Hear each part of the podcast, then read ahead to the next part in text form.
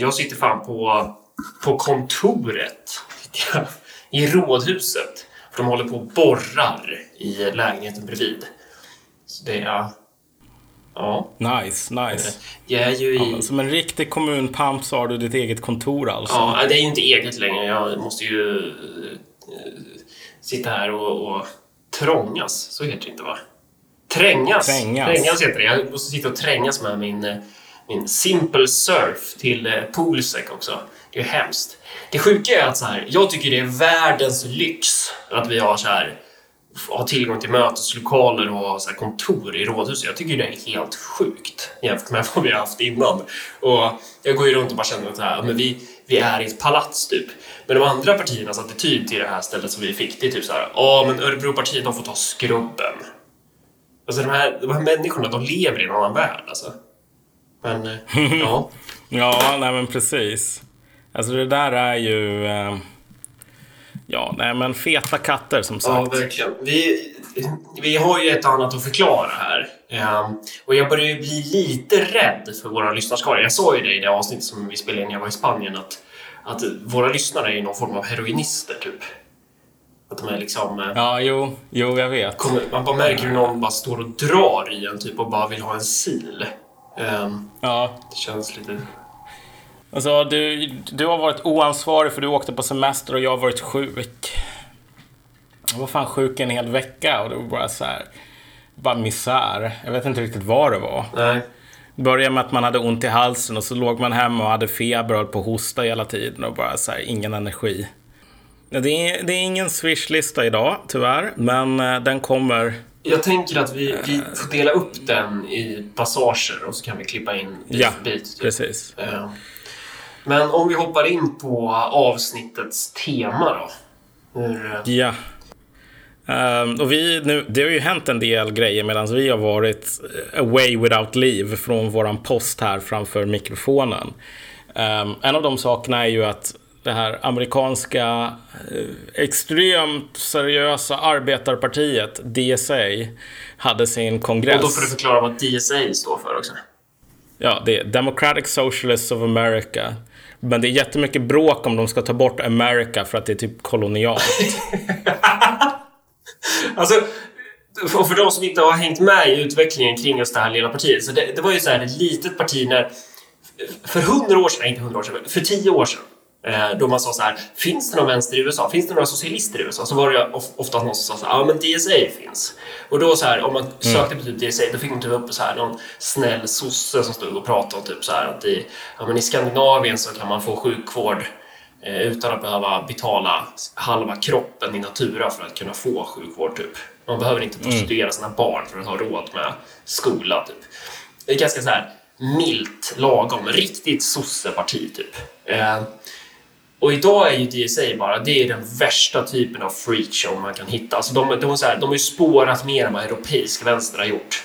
Det är helt jävla otroligt vilken shitfest DSA har blivit.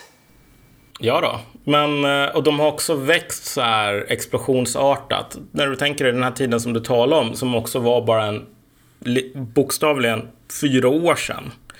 Eh, när de var de här snälla sossarna. Eller tråkiga sossar eller vad man nu ska säga. Då hade de en medlemsskara på ungefär 5000. Idag håller den på och klättrar ö, uppemot 60 000. Och det här är någonting som helt har drivits av att Trump vann. Ja, Så de har växt med ett antal tusen procent, eller typ tusen procent i alla fall, på två år. Normalt sett skulle man väl säga, ja men shit, fler eh, medlemmar, det är ju jättebra tillväxt och så vidare. Men, men det är ju tydligt att alltså, den här tillväxten hade ju ingenting att göra med vad det här partiet var innan. Och de människorna som var med då, många av dem har ju hoppat av därför att det är någonting väldigt annorlunda idag. Och det som anledningen till varför vi vill prata om det här är det för det cirkulerar ju ett klipp från deras typ, är det kongress eller vad är det de har? Det kanske, det kanske är, jag vet inte vad. Ja, de kallar det en convention, men det är en kongress. Ja. Det är ju också bra att de säger convention. Det är väl samma sak som man har sen när man säger cosplay, eh, heter inte det också? Ja, ja. ja, men det är bra. Eller furry. Ja, för... Kongress är alldeles för manligt kodat. Det är alldeles för sovjetiskt, typ. Men, Mm. eh, ja, men så, så då är det nog klipp där som cirkulerar som, som jag vet inte hur många personer som länkade till mig. Alla personer som jag länkade det till skrev samma sak till mig som jag skrev till de som länkade till mig. Och det är att tio personer redan länkar det till mig. Eh, Ja. och så det cirkulerar ju hejvilt. Eh, där är typ... Hur ska man förklara det här klippet egentligen? Det är... Ja, men sök på DSA Convention på YouTube om du inte har sett det. Pausa här, Ja. kolla igenom det klippet. Det är inte långt. Många reagerar nog med att bara skaka på huvudet och bara “vilka jävla idioter”. Men jag fick ju någon Mm. PTSD och bara kastades tillbaka till så här Ung Vänsterkongressen och bara så här “jag och Malcolm har varit där”. Eh, Så här, typ, typ som gamla soldater bara hör så här kulsprutselden ifall någon skjuter fyrverkeri. Typ. Mm. Man bara så här, kastas tillbaka till skyttegraven så kastades jag tillbaka till Ung Vänsterkongresserna eh, och bara kände att fan det där, jag vet exakt vad det där handlar om. Ehm, och då har ju reaktionen ofta varit hö hö, vänstern är dumma i huvudet. Och vårt svar på det är ju såklart att ja, det är helt korrekt.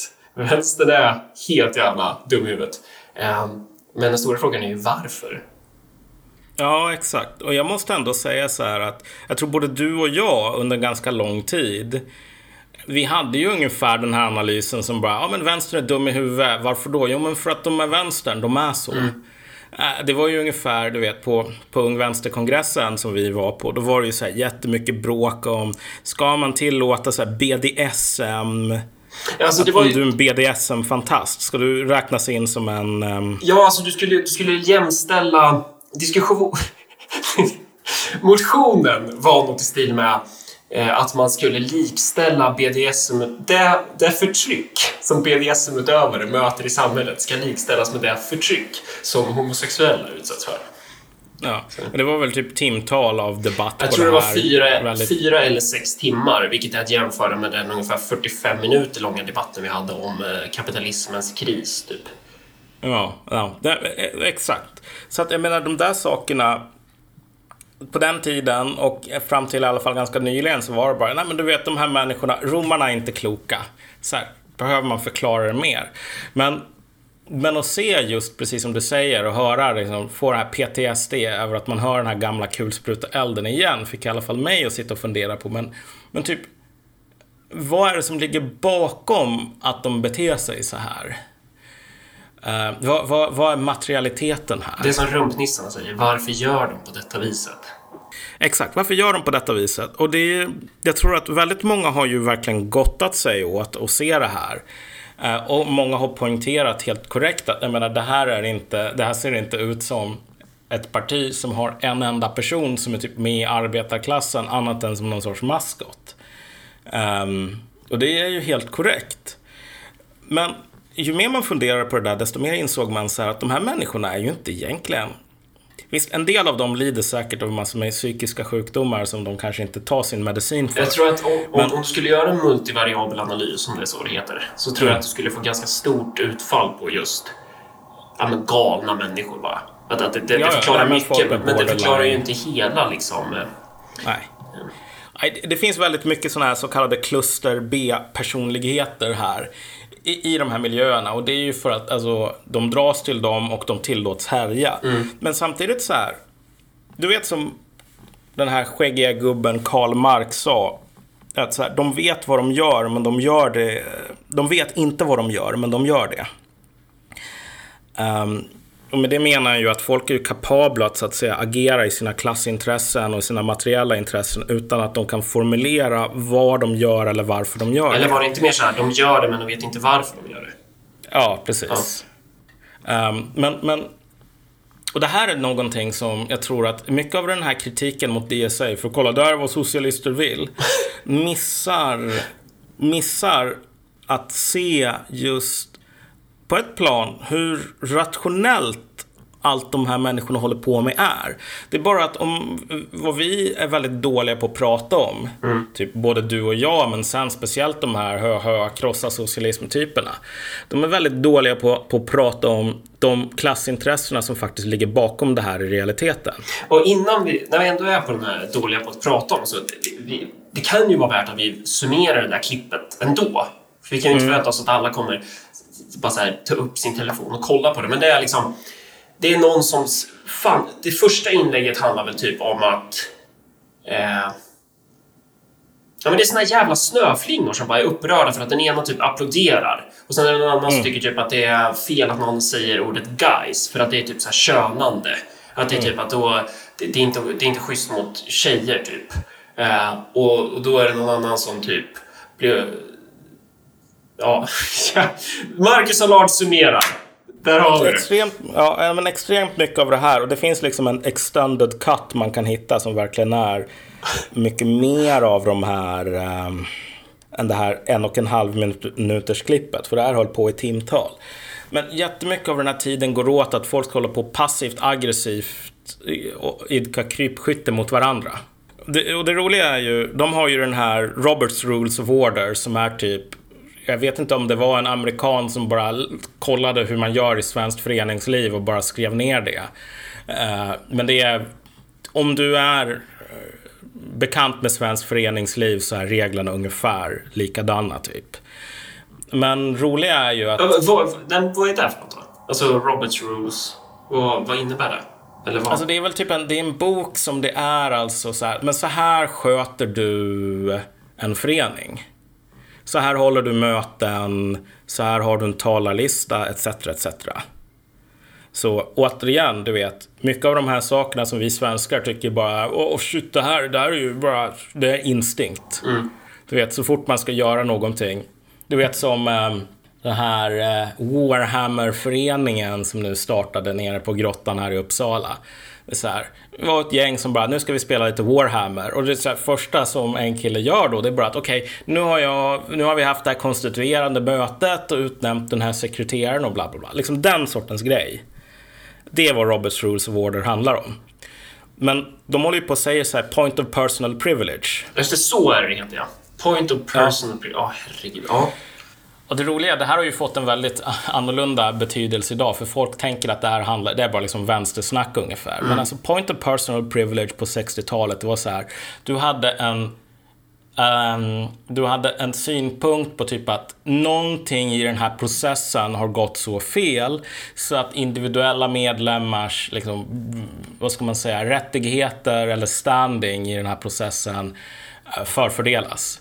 Och det som kommentaren är att den här är en grej som väldigt sällan kommer att dyka upp. För då har någonting gått allvarligt fel. Det är inte någonting som man kastar ut lättvindigt.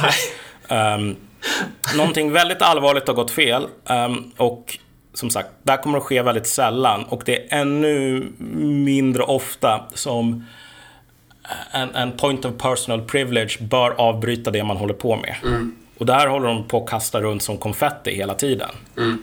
Nu ja. Ja, mm. exakt. Men mycket av det här, man kan bara ge ett exempel här på liksom den här passiva aggressiviteten i det. Det är typ att någon person går upp till podiet eller till mikrofonen och håller på att säga så här att äh, sakupplysning. Om du talar i en mikrofon så äh, äh, på grund av att vi har massor med handikappade comrades så ska man göra så här. Återigen sakupplysning. Eh, att man ska tala rakt in i mikrofonen, precis som jag gör nu. Eh, man ska inte hålla på och titta åt olika håll eller röra sig fram och tillbaks, för då blir det väldigt svårt för vissa av kamraterna att höra. Och du vet, det roliga är ju, alltså bara tonen i hur det här läggs fram, så jävla asshole. Men, men man pratar, jag tror att han pratar om den här tjejen på podiet typ. Men han kan inte bara säga så här, ah, kan du prata lite mer in i mikrofonen? Det är lite svårt för oss att höra. Utan han måste ha den här långa harangen där han ska liksom visa, alltså bara läxa upp folk ja. som tar typ en, en, minut istället för en tio sekunder. Och den där bristen på någon sorts generositet här gentemot alla andra är någonting som är så här genomgående tema för hela, hela den här konventet. Ja, men det är inte det här, de blir väl sura på att man använder ordet guys också? Just det, ja. För guys är väl typ... Alltså, en, en guy är ju en snubbe. Men guys i flertalet behöver ju inte vara snubbar, typ. Nej. Det kan vara typ så här, hörni, gänget, typ. Och det kan vara flera ja, man... tjejer. Bara tjejer kan vara guys. Ja. Alltså att säga you guys är ja. liksom i, i vardagligt språk um, ett mer familjärt sätt att säga ni eller gänget på. Så att alltså, det finns ju kvinnor lika många kvinnor som män som använder you guys om enkönade sällskap där det bara är kvinnor.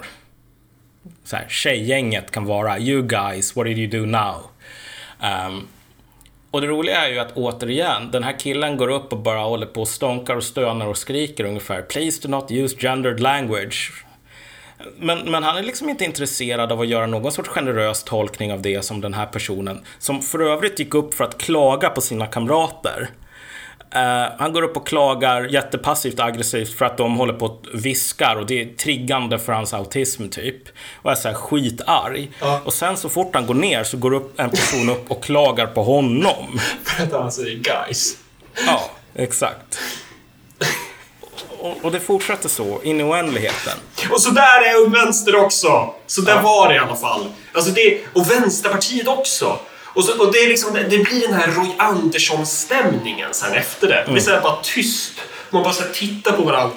Och man börjar, börjar liksom, man blir paranoid, man känner att man blir liksom osäker och bara så här, kommer någon döda mig? Kommer någon hugga mig i nacken nu om jag typ tittar åt fel håll? För att det är typ så här, jag inte, det är typ funkofobiskt att titta för att blinda kan inte se. Typ. Alltså det, det är på en sån nivå som är så här, man bara ställer upp så jävla mycket hinder för allting. Det är det som karaktäriserar hela den här skiten. Att det är inte bara så här, ah, någon säger guys, men jag behöver inte bli arg på det. Jag kan mm. bara vara en vanlig människa och bara försöka lyssna på vad den här personen säger. Jag kan vara generös istället för att bara så här sträva efter den här maximala friktionen. För det är det ja. som de här människorna gör hela tiden. Det är så här, de, de söker med ljus och lykta efter att hitta någon detalj som de kan haka upp sig på och angripa. Som har, som, till slut så blir ju bara diskussionerna blir bara att man bara står och kastar så här bara, men du könar den här personen.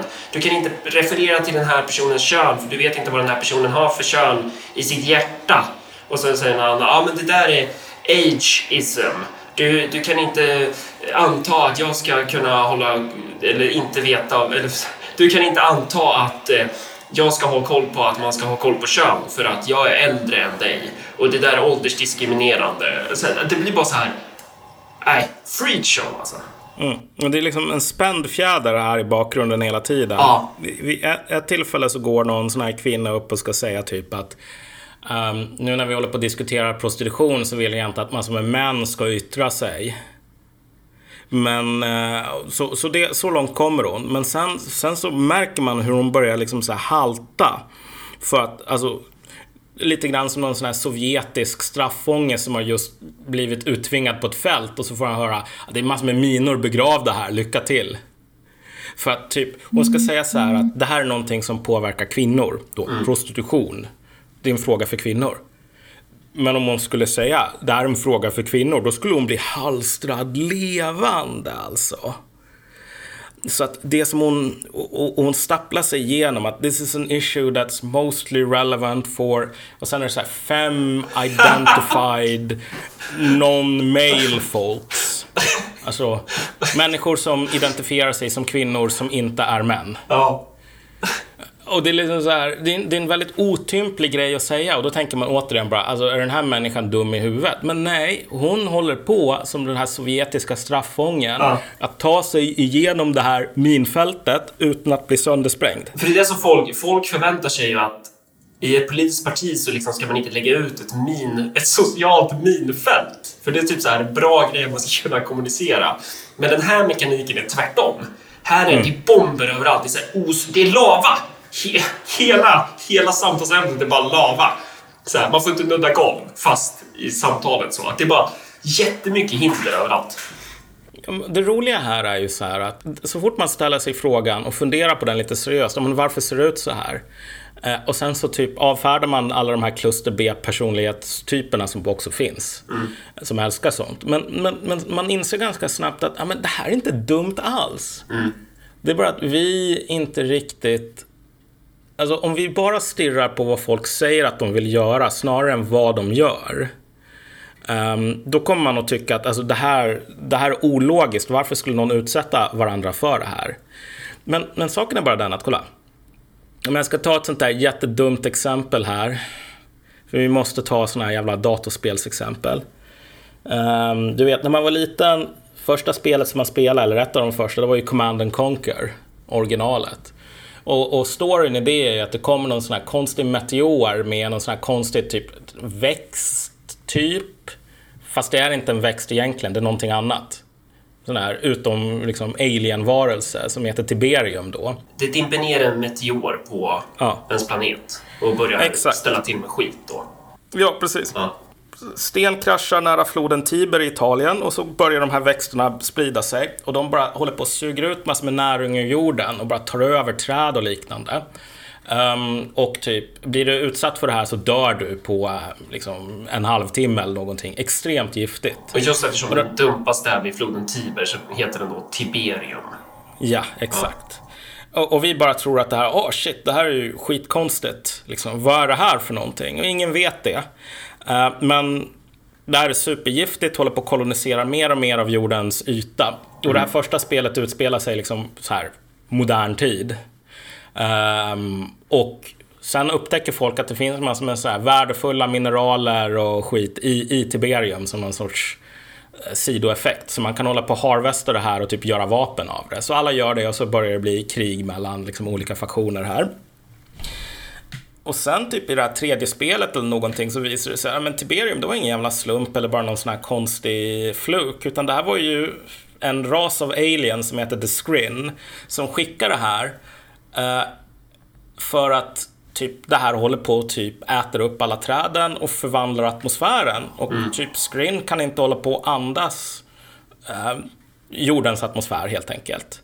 Och sen är det massor med människor som bor här. Så skickar en grej som förvandlar atmosfären och tar koll på de som är i vägen. Så att man sen kan typ flytta in på jorden när alla är döda. Man preppar klimatet för det som komma skall, med andra ord.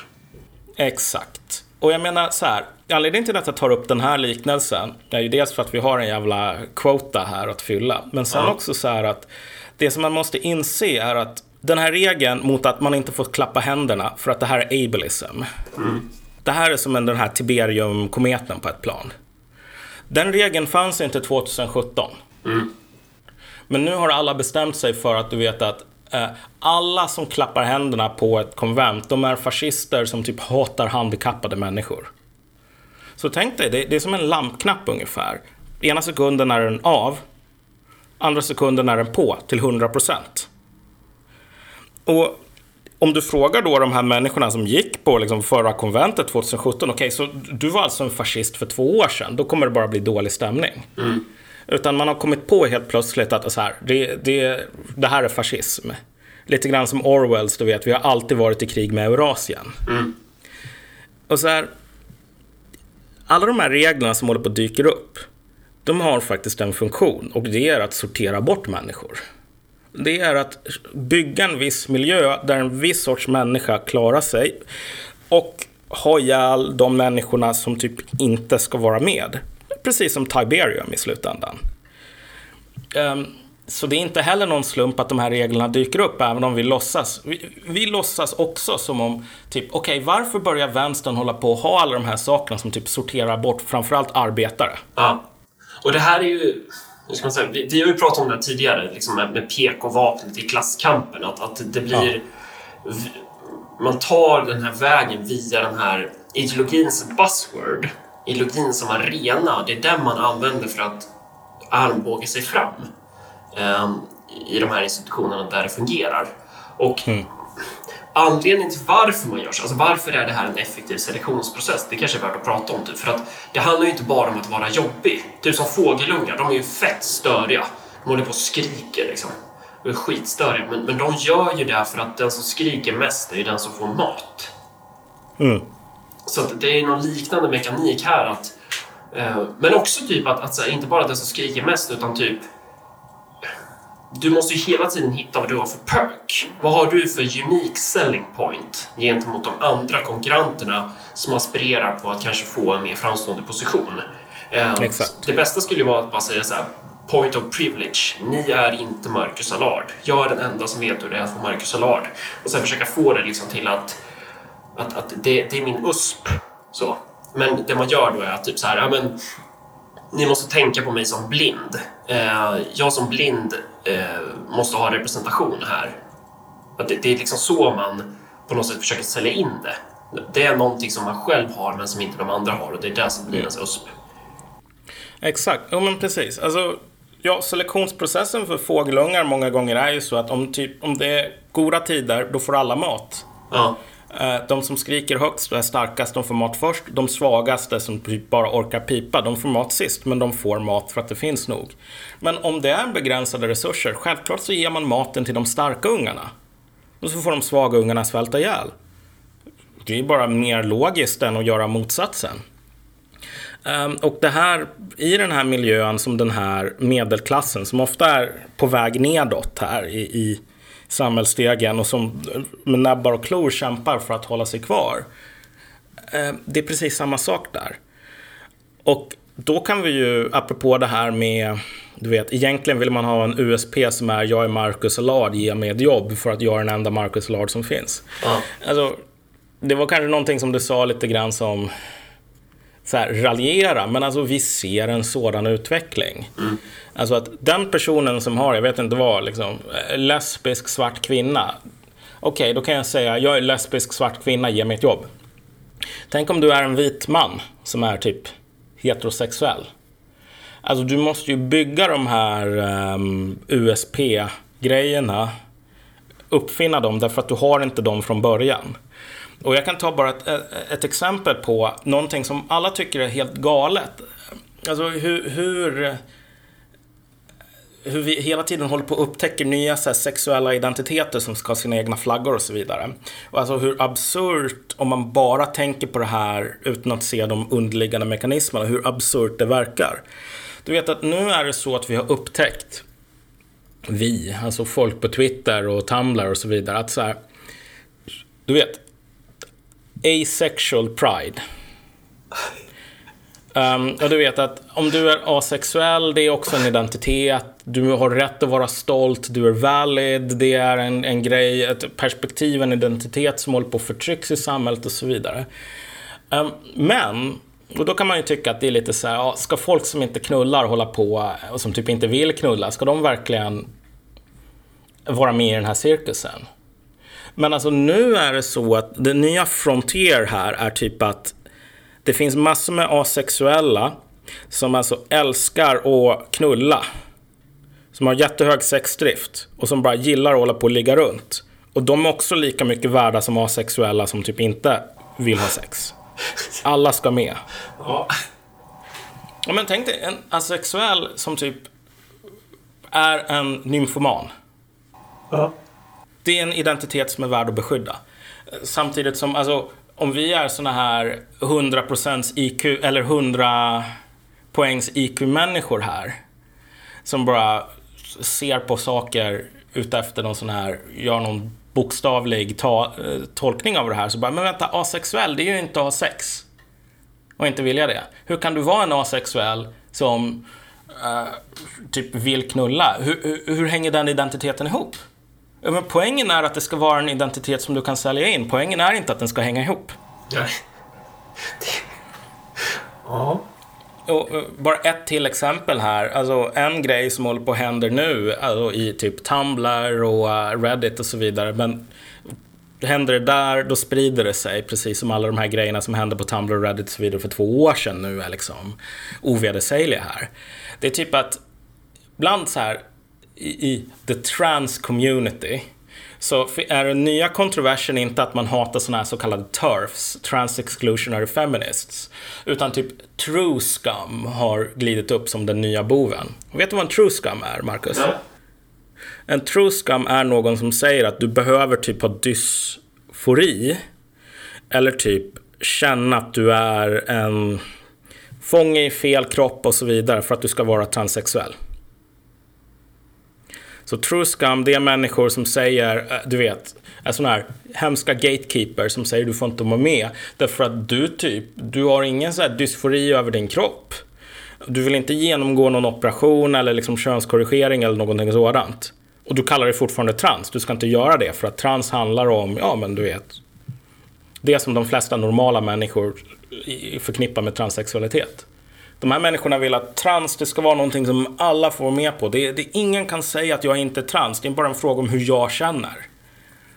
Uh, och så här, återigen, då kan du typ vara Marcus Allard och bara sitta där och dricka så här elk brew och sen så kan du posta på typ någon sån här transforum på Reddit. Och sen någon säger bara, men du är ju Marcus Solar, du sitter här och dricker Elk Brew.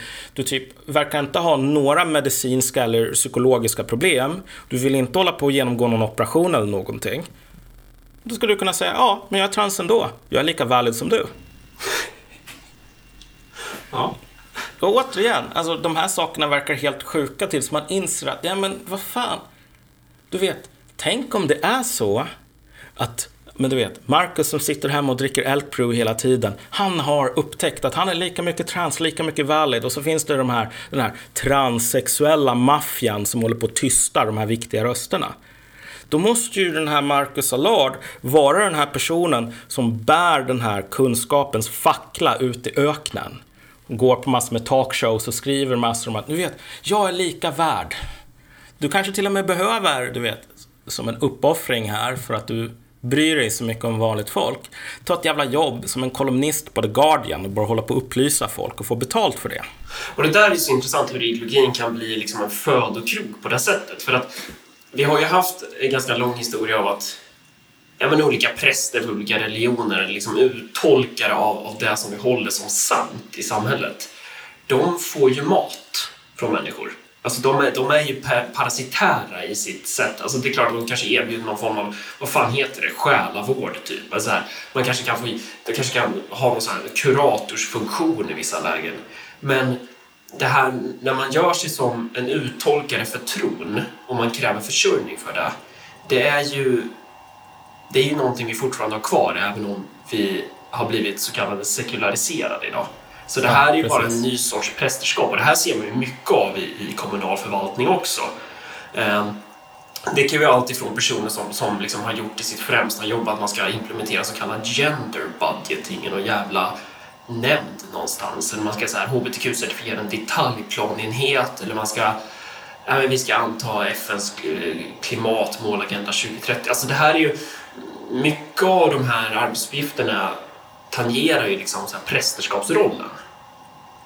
Det är så mm. här... Mm. Så, så, det är en födokrok. Det är klasskamp där det handlar ja. om helt enkelt. Det är en selektionsprocess och, och desto bättre USP du har, desto bättre materiellt läge har du i den här konkurrensen.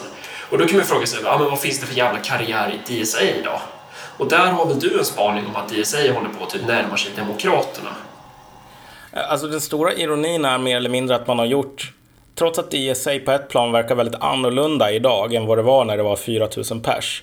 Så är alltså poängen med partiet fortfarande samma sak. Poängen med partiet när det var litet, det var att så här, få någon, någon i Demokratiska partiet att typ lyssna på en och ge en ett jobb. Och då genom så här tråkig, man skulle vara en sosse från Sverige ungefär. De här människorna vill fortfarande ha de här jobben. Men alltså vinden har skiftat. Så det som har hänt nu är att om du ska om du ska typ vara en integrerad del av Demokraterna samtidigt som du officiellt är eh, så här, oberoende och till och med motståndare till dem. Då ska du inte hålla på att tala om svensk socialdemokrati därför att så här, newsflash, den håller på att kollapsa och det är ingenting som intresserar människor i de stora kuststäderna. De vill inte ha socialdemokrati, de vill ha libertarianism mycket mer. Mm. Um, så att hela den här konkurrensen nu, och det här är någonting som pågår utanför DSA. DSA är bara en front. Mm. Det är att människor i USA håller på att förbereda sig för att kunna typ sälja socialism som en livsstil eller något sånt där ideologiskt paket. Socialism är fel ord. Ja, nej, men det är vad de kommer att kalla det. Ja. Ja. Men det är en socialism som är menad att säljas till de människorna som typ röstar på Elizabeth Warren eller mm. någonting. Mm. Och som typ bor och har progressiva värderingar och typ tycker att eh, humanitär intervention kan vara ganska bra och vi måste öppna gränserna och så vidare man ska sälja socialism som en annan smak på det de redan håller på med. Och det här är typ supertydligt när man följer aktörer annat än DSA, typ Jacobin till exempel. De har ju mer eller mindre över tid det här, och för de som inte vet vad Jacobin är så är det det här största socialistiska magasinet i USA. Ja, det är en vänstersajt. Ja. Alltså de har ju mycket mer gått över till alltså, väldigt så liberala ståndpunkter i ganska mycket. Mm. Uh, invandring, det här med uh, sexindustrin och så vidare. Där de typ argumenterar på samma sätt, ja, dels som många så demokrater, men många så libertarianer gör. Um, och så håller de på, de håller på att hedgar sina bets hela tiden. Och det här är den stora grejen, att folk tänker att så här, Bernie Sanders är typ kungen av alla i vänstern. Uh, det är ungefär som att säga att den, liksom Ludvig den 16 är enväldig och alla i Frankrike lyder honom. Det, det, är typ, det är verkligen inte sant. Och man, över tid har man märkt att alltså, folk i vänstern är på ett plan mindre entusiastiska över Bernie Sanders än de är för någon som Elizabeth Warren. Varför då? Jo, för att Bernie Sanders lovar inte han, han, han luktar inte rätt. Han luktar inte som en av de här politikerna som har den här långa svansen av think tanks och... Um...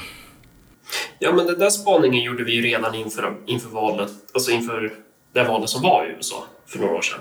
Att så här, Bernie, liksom, han är inte... Det är därför många av de här personerna föredrog Hillary Clinton framför Bernie. För det är mer liksom klasskorrekt, eh, man ska säga.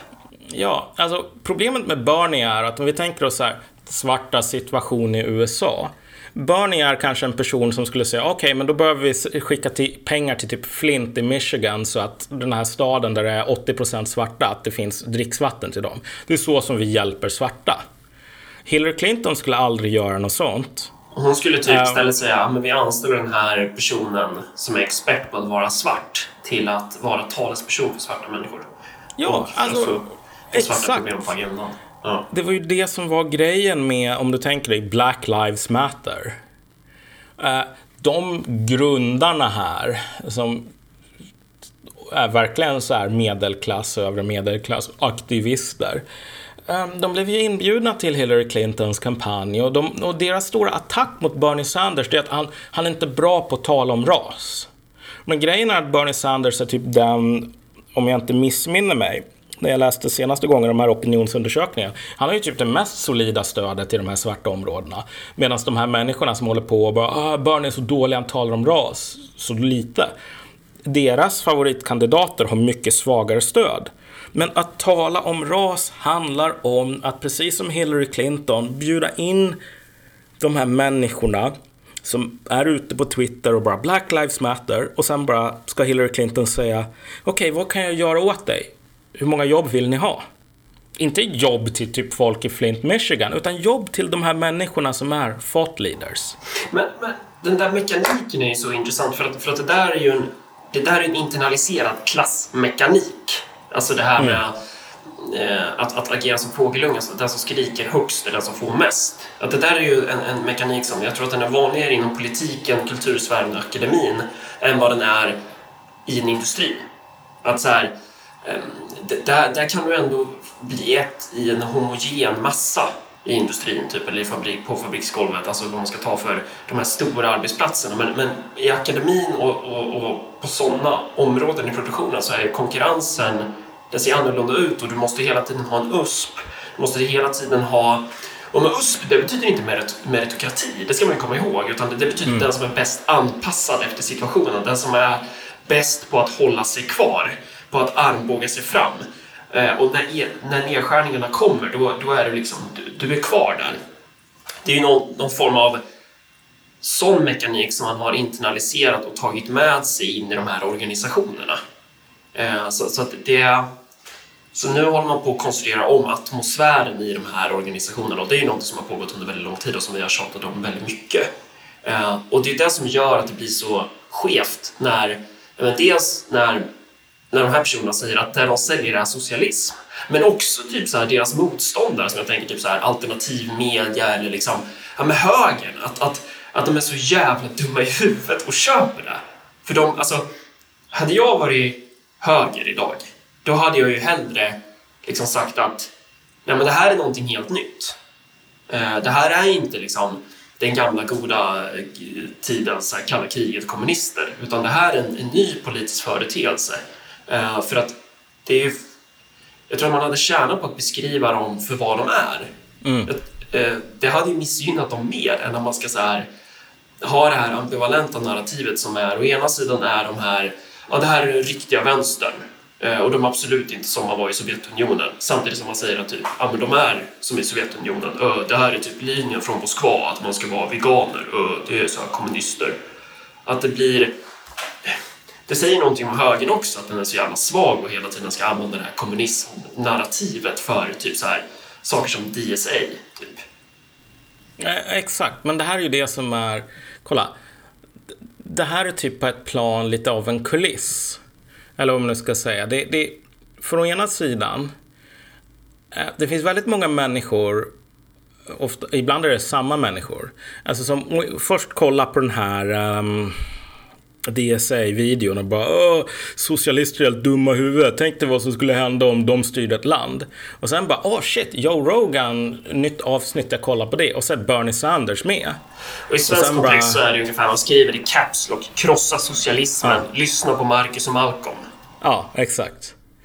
Men du vet, och så, så först är det så här, krossa socialismen och sen så lyssnar man på Marcus och Malcolm. I USA är det bara DSA, dumma huvud, socialism har alltid lett till bla bla bla. Och sen är det så här Bernie Sanders som sitter och snackar med Joe Rogan och Sanders säger så här, nej men vet du vad Joe?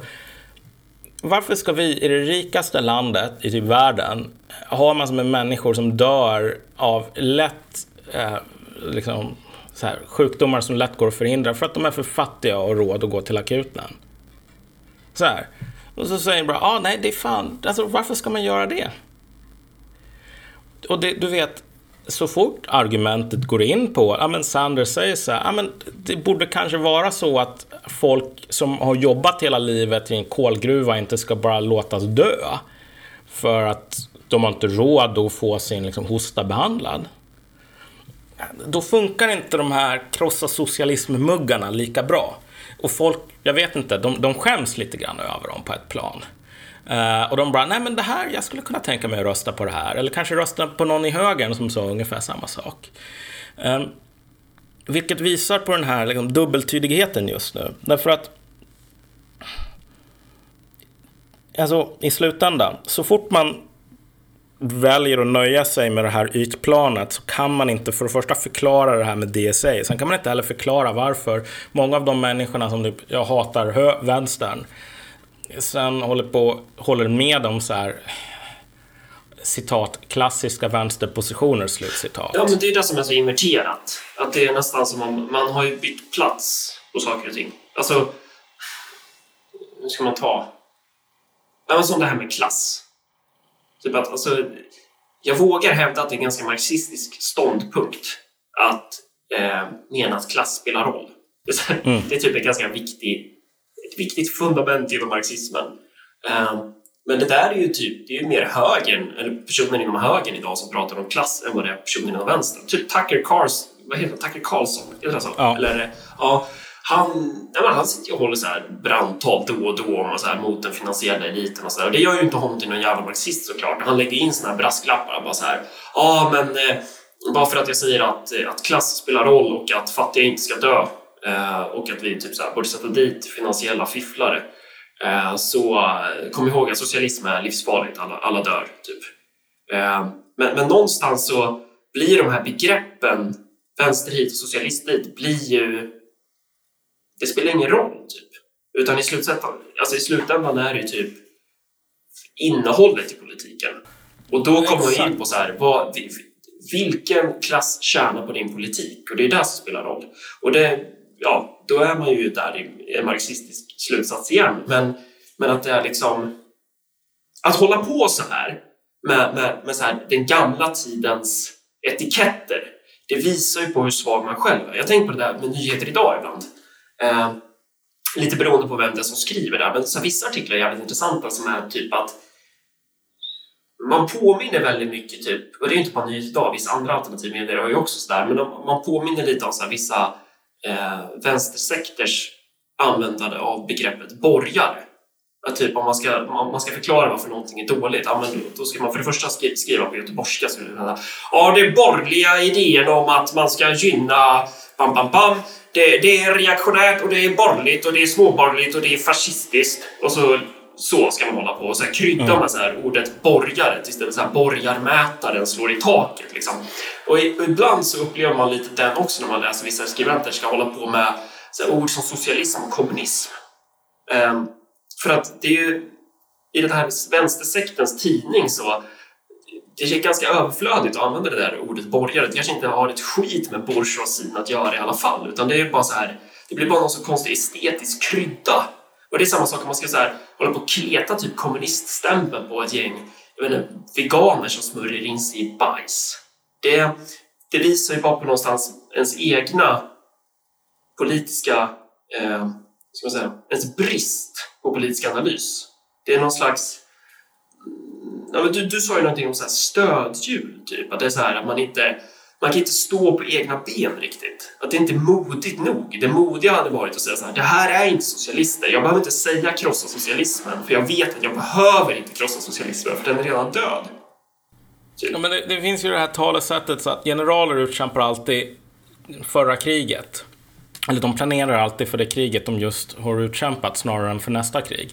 Men det är också det här med Marx påpekade, och nu har jag inte riktigt um, det citatet i huvudet, men hans poäng i alla fall, det här är ett ganska välkänt citat, menar mer eller mindre att så här, nästan alla generationer när de ska ut i sin tids politiska kamp, så tar de, gräver de fram sin liksom, farfars typ politiska flagga från vinden och bara, jag håller på att slåss för det här.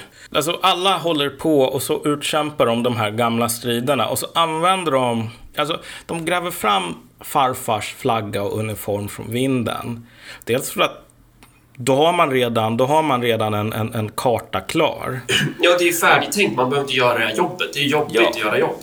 Så det är dels lathet, men det är också det här att alltså, farfar verkar ändå som en person som visste vad han slogs för. Han kan ju inte vara en sån som bara improviserade fram och var tvungen att upptäcka var konfliktlinjerna gick. Utan på den tiden då var det så jävla tydligt och nu är det bara så här kaos. Um, så att det är just den här, våran försiktighet och, och, och våran lite så här, inte oförmåga, men att vi har svårt att hantera förändrad, en förändrad politisk situation där gamla fiender byts ut mot nya vänner och vice versa. Därför så håller vi hela tiden på och så länge som vi kan. Du vet som någon sån här kattunge eller någonting som är ute och upptäcker lite grann och sen springer tillbaks till mamma och sen ut och upptäcker lite mer och så vidare. Alltså vi, innan vi blir vuxna, våra politiska utmaningar i en viss generation, då är vi som de där kattungarna eller hundvalparna eller någonting som här, är, är, på någon sorts koppel. Liksom. Mm. Man kommer lite längre bort ifrån hemma för varje gång man beger sig ut. Men man är fortfarande kopplad till det där. Och, och det där är jättetydligt med högern, självklart. Alltså, och det är verkligen supertydligt när det är de här människorna som bara typ, har hela det här krossa socialismen, merchandise på sig. Och bara, jag tycker det är så himla bra, Marcus och Malcolm, ni har rätt om allting. Och sen bara kollar de på sin t-shirt och bara, men det är ju för att ni inte är riktiga socialister, för annars skulle inte jag kunna gilla det här. Eftersom jag har på mig den här tröjan. Bara, mm, ja, Alltså, på ett plan så är det ju sant. Alltså för vad som är en riktig socialism, det är lite grann beroende på om du definierar det som en person som jag inte kan gilla för jag har på mig den här tröjan. Jag menar, då är det ju en tautologi. Men, men det är ju fortfarande en cope. Det, det, man vill förlita sig på tidigare generationers um, det som man upplever som deras bergsäkra kunskap om hur världen funkar. Därför att man är själv osäker på hur världen funkar. Då det är som att spela någon sån här, jag vet inte vad, Streets of Rage eller någonting, där man har någon sån här eh, fuskkod med oändligt med liv. Alltså du kan klå spelet, du kan ta dig till sista banan och spöa Mr X, men du kommer inte hamna på high score-listan. Så här, datorspel som låter dig fuska de brukar säga okej, okay, du får fuska men du hamnar inte på high score-listan för du håller på att cykla med träningshjul. Mm. Och det är ju vad det här handlar om också. Alla de här attackerna mot alltså 1900-talets fiender, det är att hålla på med politik med träningshjul. Och vänstern gör ju samma sak med nazisterna. Alltså nazisterna överallt och alla är nazister och vi måste stoppa nazismen och 30-talet och bla bla bla. Så här, man pekar på ett lik. Man slåss mot en fantasigubbe. Och vi har tjatat om det här så jävla mycket, men, men det är ju så... Det kommer ju tillbaka hela tiden och det är så sorgligt för att så här, de här personerna hade ju tjänat på att bara droppa de där stödhjulen. Ja, stödhjulen de funkar i början. I början kan du hålla på med lite så här extra specialvapen, lägga till lite mer perks när du spelar ett spel typ, för att lära dig mekaniken. Men du ska ju kunna hantera det, du ska bli bäst på det där i slutet. Du ska spela liksom, du ska vara elit. Ehm, men de här personerna verkar så jävla ointresserade av det för att det är roligare att bara spela på nybörjarnivån hela tiden och så behöver man inte uppdatera sina tankar kring någonting. Och så blir det så konstigt helt plötsligt när det kommer två marxister och bara så här, kan tycka att så här, men vad, vet ni vad, vi kanske typ borde bry oss om hur folkflertalet har det i det här landet. Mm.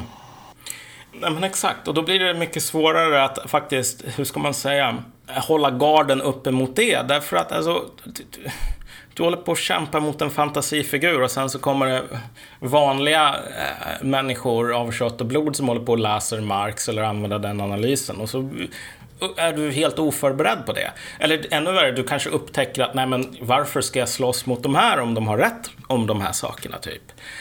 Um, vilket är också det här stora problemet att alltså, du har inte heller kontroll över dina egna preferenser. Alltså... Um, därför att du vet inte vad de här preferenserna är baserade på. Jag ogillar marxism. Okej, okay, varför då? Så, nej, men för att det är dåligt. Och sen bara, okej, okay, fast jag gillar den här analysen och jag tycker att det här är en ganska bra sätt att förklara världen på. Men jag ogillar det. Okej, okay, men då vet du inte vad du gillar och inte gillar. Och en person som inte vet det om sig själv kommer inte kunna staka ut någon fungerande kurs här. Och det är lite grann, jag menar det är någonting som du och jag blir ju anklagade en del för att vi är så här människor som du vet, vi håller på att luras. Jag säger att jag är vänster och så är jag egentligen höger. Och jag menar, du vet, jag är säker nog i var jag själv står. Därför att jag har gått igenom den här processen av, hur ska man säga, att faktiskt undersöka sina egna idéer, varför man har dem och så vidare. Så att liksom det här, jag blir smittad av tjejbaciller om jag pratar med den här personen. Alltså det, det stadiet är över. Kommer man över det stadiet så tror jag att man har mycket bättre förmåga att um, hävda sig politiskt än om man faktiskt är fast i, i, i, i fortfarande har på sig farfars uniform. Mm. Ja, och överhuvudtaget borde man ju sluta använda typ de begreppen höger och vänster.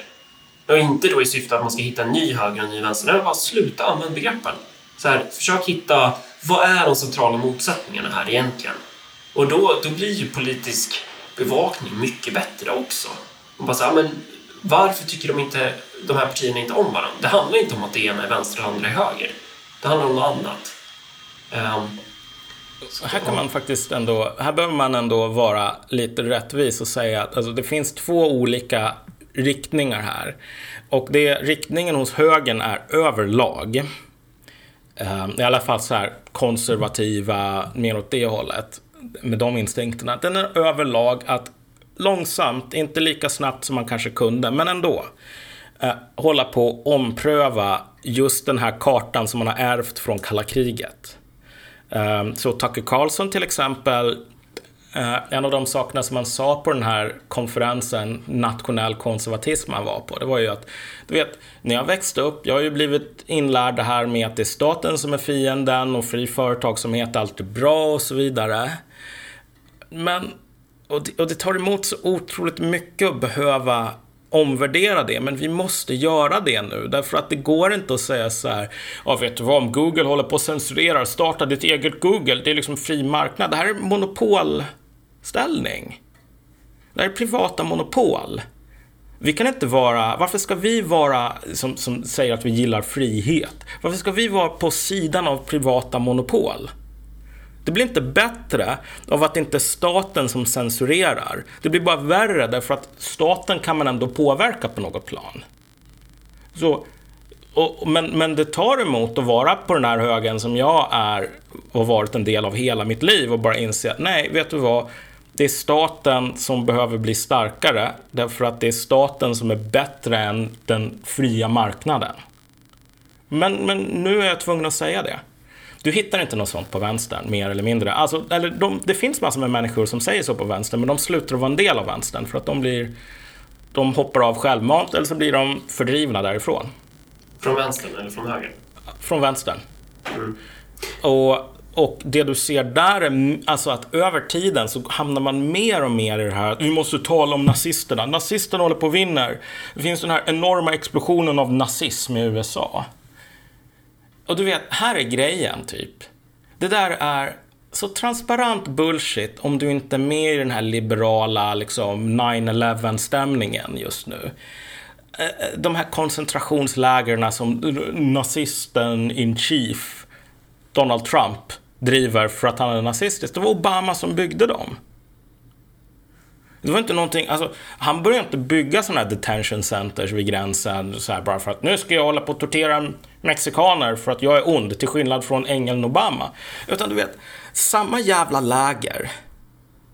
Beroende på vem som var president var de antingen bara, nej men det är så här det är, liksom, vi måste vara realistiska. Eller, åh oh, gud, andra världskriget, the holocaust. Um, och, och, och, samma grej, alltså alla de här väljarna som typ röstade på Obama en eller två gånger och sen röst, röstade på Trump. Nej, de är också nazister. Ku Klux Klan. Det var därför de röstade på Obama. Eller? Vet, man, man, man hamnar mer och mer i den här, alltså be, nas, behovet av nazister blir större och större och större för vänstern. Fascister, allt det där. Men Historiska fiender. Vi bidrar ju också till problemet, för vi är ju också väldigt så här slentriana i, i hur vi använder de begreppen, typ så här vänster och höger. Och det är typ så här, vissa hävdar ju att Örebropartiet är vänsterpopulister och andra hävdar att vi är typ högerpopulister. Mm. Det hade ju varit lättare att bara säga populister. Mm. Alltså, förstår du lite vart det är jag vill komma? Det är så här, man, man vill hitta de viktiga motsättningarna. Ja, så är det ju. Snarare än de gamla etiketterna. Vad som påminner om den gamla tidens krig. Exakt. När man talar om den gamla världen som håller på att dö, då måste man ju tala om vänstern och högern, för det var ju de sakerna som var operativa då. Men i den nya världen som håller på att födas så kommer inte den saken att hjälpa dig särskilt långt på vägen. Och vi är däremellan då, vi är det här interregnum. Mm. Nej men precis. Och det, och det är just det som jag egentligen uppmanar folk som ser sig själva som så här, eh, höger och motståndare till vänstern och så vidare. Att, alltså, ju mer du rör dig in i framtiden, desto mer måste du lägga de här stödhjulen åt sidan. Ingen har någonsin vunnit Tour de France med stödhjul på cykeln. Kalla en spade för en spade. Alltså, vad ska man säga? Man tjänar ju på att beskriva Democratic Socialists of America som ett utfall av en, en medelklassfenomen som att, som att vänstern verkligen har tappat eh, kontakten med arbetare. Att det, det, det är det som är problemet med vänstern. Det är att de inte är de gamla goda kommunisterna. Det är det som är problemet. Istället för att sitta och säga att ah, de är dåliga och det är för att de är kommunister. Alltså, då, man tappar ju hela så här, eh, möjligheten att få en fullständig critical hit. Mm. Man bara sjabblar ju bort det totalt. Alltså.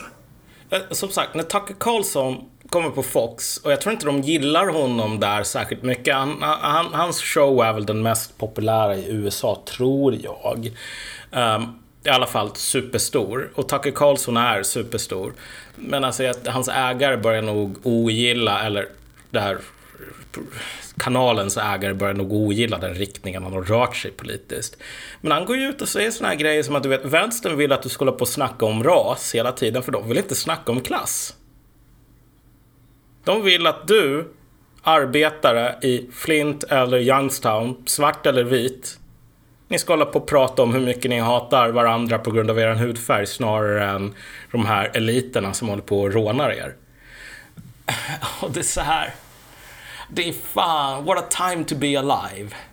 Det är den här före detta, typ libertarianen som bara, du vet, jag, sorry du vet. Vi måste tala mer om klass, men vänstern tillåter inte oss att göra det. Alltså han ljuger ju inte ens. Det är ju det. Jag var inne och kollade på någon sån här ja, vänsterforum där de tog upp det här och de bara, hur ska vi göra när våra fiender håller på och gaslightar folk genom att säga saker på det här sättet? Alltså säga att vi måste tala mer om klass. Och det roliga är ju att alla vet ju typ att nej, alltså DSA kommer inte att säga det som Tucker Carlson säger. Aldrig någonsin. Jacobin kommer över tid säga det mycket mindre. Jag menar, Tucker Carlson säger bara tala mer om klass, tala mindre om ras, punkt. Ja, men det betyder ju bara att, att det är fascistiskt att tala om klass som Tucker Carlson gör det. Och det, det är ju så den här mekaniken fungerar. Att, att eh, ja, men som kulturkvarteret i Örebro också. Alltså, Vänsterpartiet hade ju tjänat på att bara så här, nej men det är dumt att lägga pengar på ett skrytbygge, vi borde lägga det på välfärden istället. Men istället sitter de ju och supportar det för att typ så här eh, ja, knega det emot att man bygger kulturkvarteret. Så därför måste det vara bra att bygga kulturkvarteret. Mm. Men, men, men, men grejen är ju liksom, alltså det här är verkligen mekaniken idag. Nej, men någon som Tucker Carlson kan bara säga mindre ras, mer klass, tack. Så här, inga om eller men. Medan om du skriver för Jacobin, då kan du inte säga mindre ras, mer klass, utan du måste säga det på det här sättet att alltså, i princip så är det så att Marx skrev att klass var ganska viktigt, men vi har en multiplicitet av identiteter. Vi måste hålla på att interagera de här i en gemensam intersektionell kamp. Du kan inte bara säga liksom, sluta tala om ras i klass som är det viktiga. Då trampar du massor med människor som håller på att prenumerera på Jacobin men som har, håller på, är i den miljön där man håller på och fiskar över, över att vara någon sorts rastalesperson. Alltså man kan inte stöta sig med de människorna för de är en växande del av ens underlag. Så därför måste man bara säga att alltså, i teorin så kanske vi kunde tala 2% mer om klassen vad vi gör om ras. Om ingen tycker att det är jättejobbigt, för då får de gärna fortsätta prata om ras. Det är också viktigt, men jag säger bara att klass kanske kan vara lite viktigt att tala om ibland om ingen blir arg.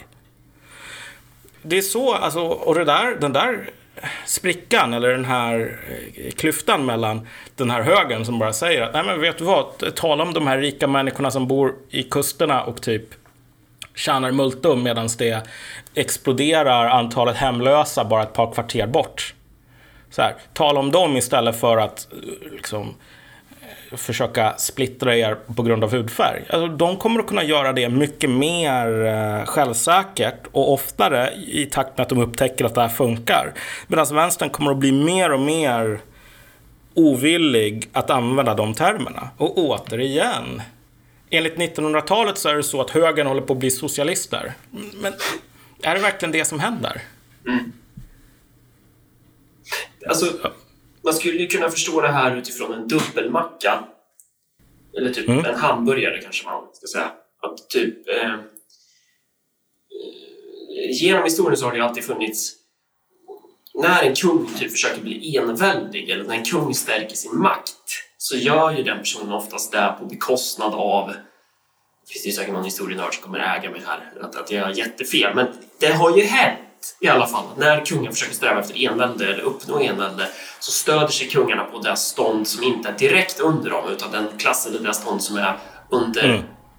nästa nivå. Som man säger att, att de två hamburgerbröden eh, förenar sig mot själva innehållet i mitten mot hamburgaren, mot köttet. Då, då. ja, det är en så bra liknelse. Mekaniken är att botten och toppen emot mitten på något sätt. Um, och det är väl, du kan ju ha den typen av klassdynamik även idag, att du får liksom en... Uh, den typen av elit som vi har idag, den byts ut mot en annan elit. Uh, men inte då... För man tänker att, att, att motsatsen till, till det vi har idag, det är någon slags populistiskt demokratiskt styre där folket har makten. Liksom. Mm. Och det är dit du och jag vill komma. Att så här, det, nej, det är folket som ska ha makten. Vi ska inte ha någon jävla elit i princip. Eh, men sen finns det ju andra personer som kanske skulle vilja ha en annan elit men som kanske då är konservativ eller någonting. Ja. Och som, som då istället då har den här liksom Gustav III konstruktionen. Att du stödjer dig på bondeståndet och du, du, du slår mot, mot det här hamburgerköttet som är då den här medelklassen i mitten. Och det, det är väl många eh, Ja, men typ så. Att den mekaniken finns ju där också. Alltså nu sätter du fingret på någonting som jag tycker är sjukt intressant och jag bara har en viss skadeglädje inför det här. För du vet den här termen woke capital? Ja. Uh, sån här, du vet, socialt medveten social justice warrior kapitalist. Ja, nu ska jag göra lite promotion här för bläckfisken.se uh, där man kan gå in och uh, köpa, vad heter det, bläckpatroner eller tonerkassetter. Tonerkassetter heter det. Eh, och eh, ja, då går man in på blackfisken.se och sen när man köper produkten så kan man skriva in ett kampanjord, ishacka, med eh, bara små bokstäver. Ett ord, ishacka. Okej, okay, men vad gör man om man är dyslektiker då? Tänk om man inte kan skriva in det kampanjordet på grund av att man har dyslexi? Ja, då... Alltså det här, vad, vad är din accessibility i den här pluggen typ? Är det så bara att vi antar att alla lyssnare här är able-bodied, liksom att de är funkisnormala och inte har olika former av alltså, neurologisk divergens? Är det det Mm, vi vill det kommunicera att det Marcus och Malcolm står för? Man kanske borde ha en möjlighet då att man kan rita en ishacka med vaxkritor och mejla till bläckfisken. Men det, vi har inte kommit så långt än tyvärr. Nej, okej, men do better, Marcus. Alltså, du måste... Ja. Det, här, det här är inte acceptabelt. Jag kanske inte borde säga man, man kanske borde säga en kan gå in på bläckfisken.se eh, och där kan en eh, skriva in ordet ishacka eh, förutsatt att man, och det här menar inte jag som någonting illa menat till dyslektiker, att, att det är ett kampanjord. Eh, och ishacka å andra sidan, det kanske, är, det, kanske är, det kanske är lite oskönt mot alla som är trotskister. Mm, ja, nej men precis. Alltså det här, det här exkluderar folk. Ja, sant. Det får vi tänka på till nästa gång. Och inte vara så exkluderande.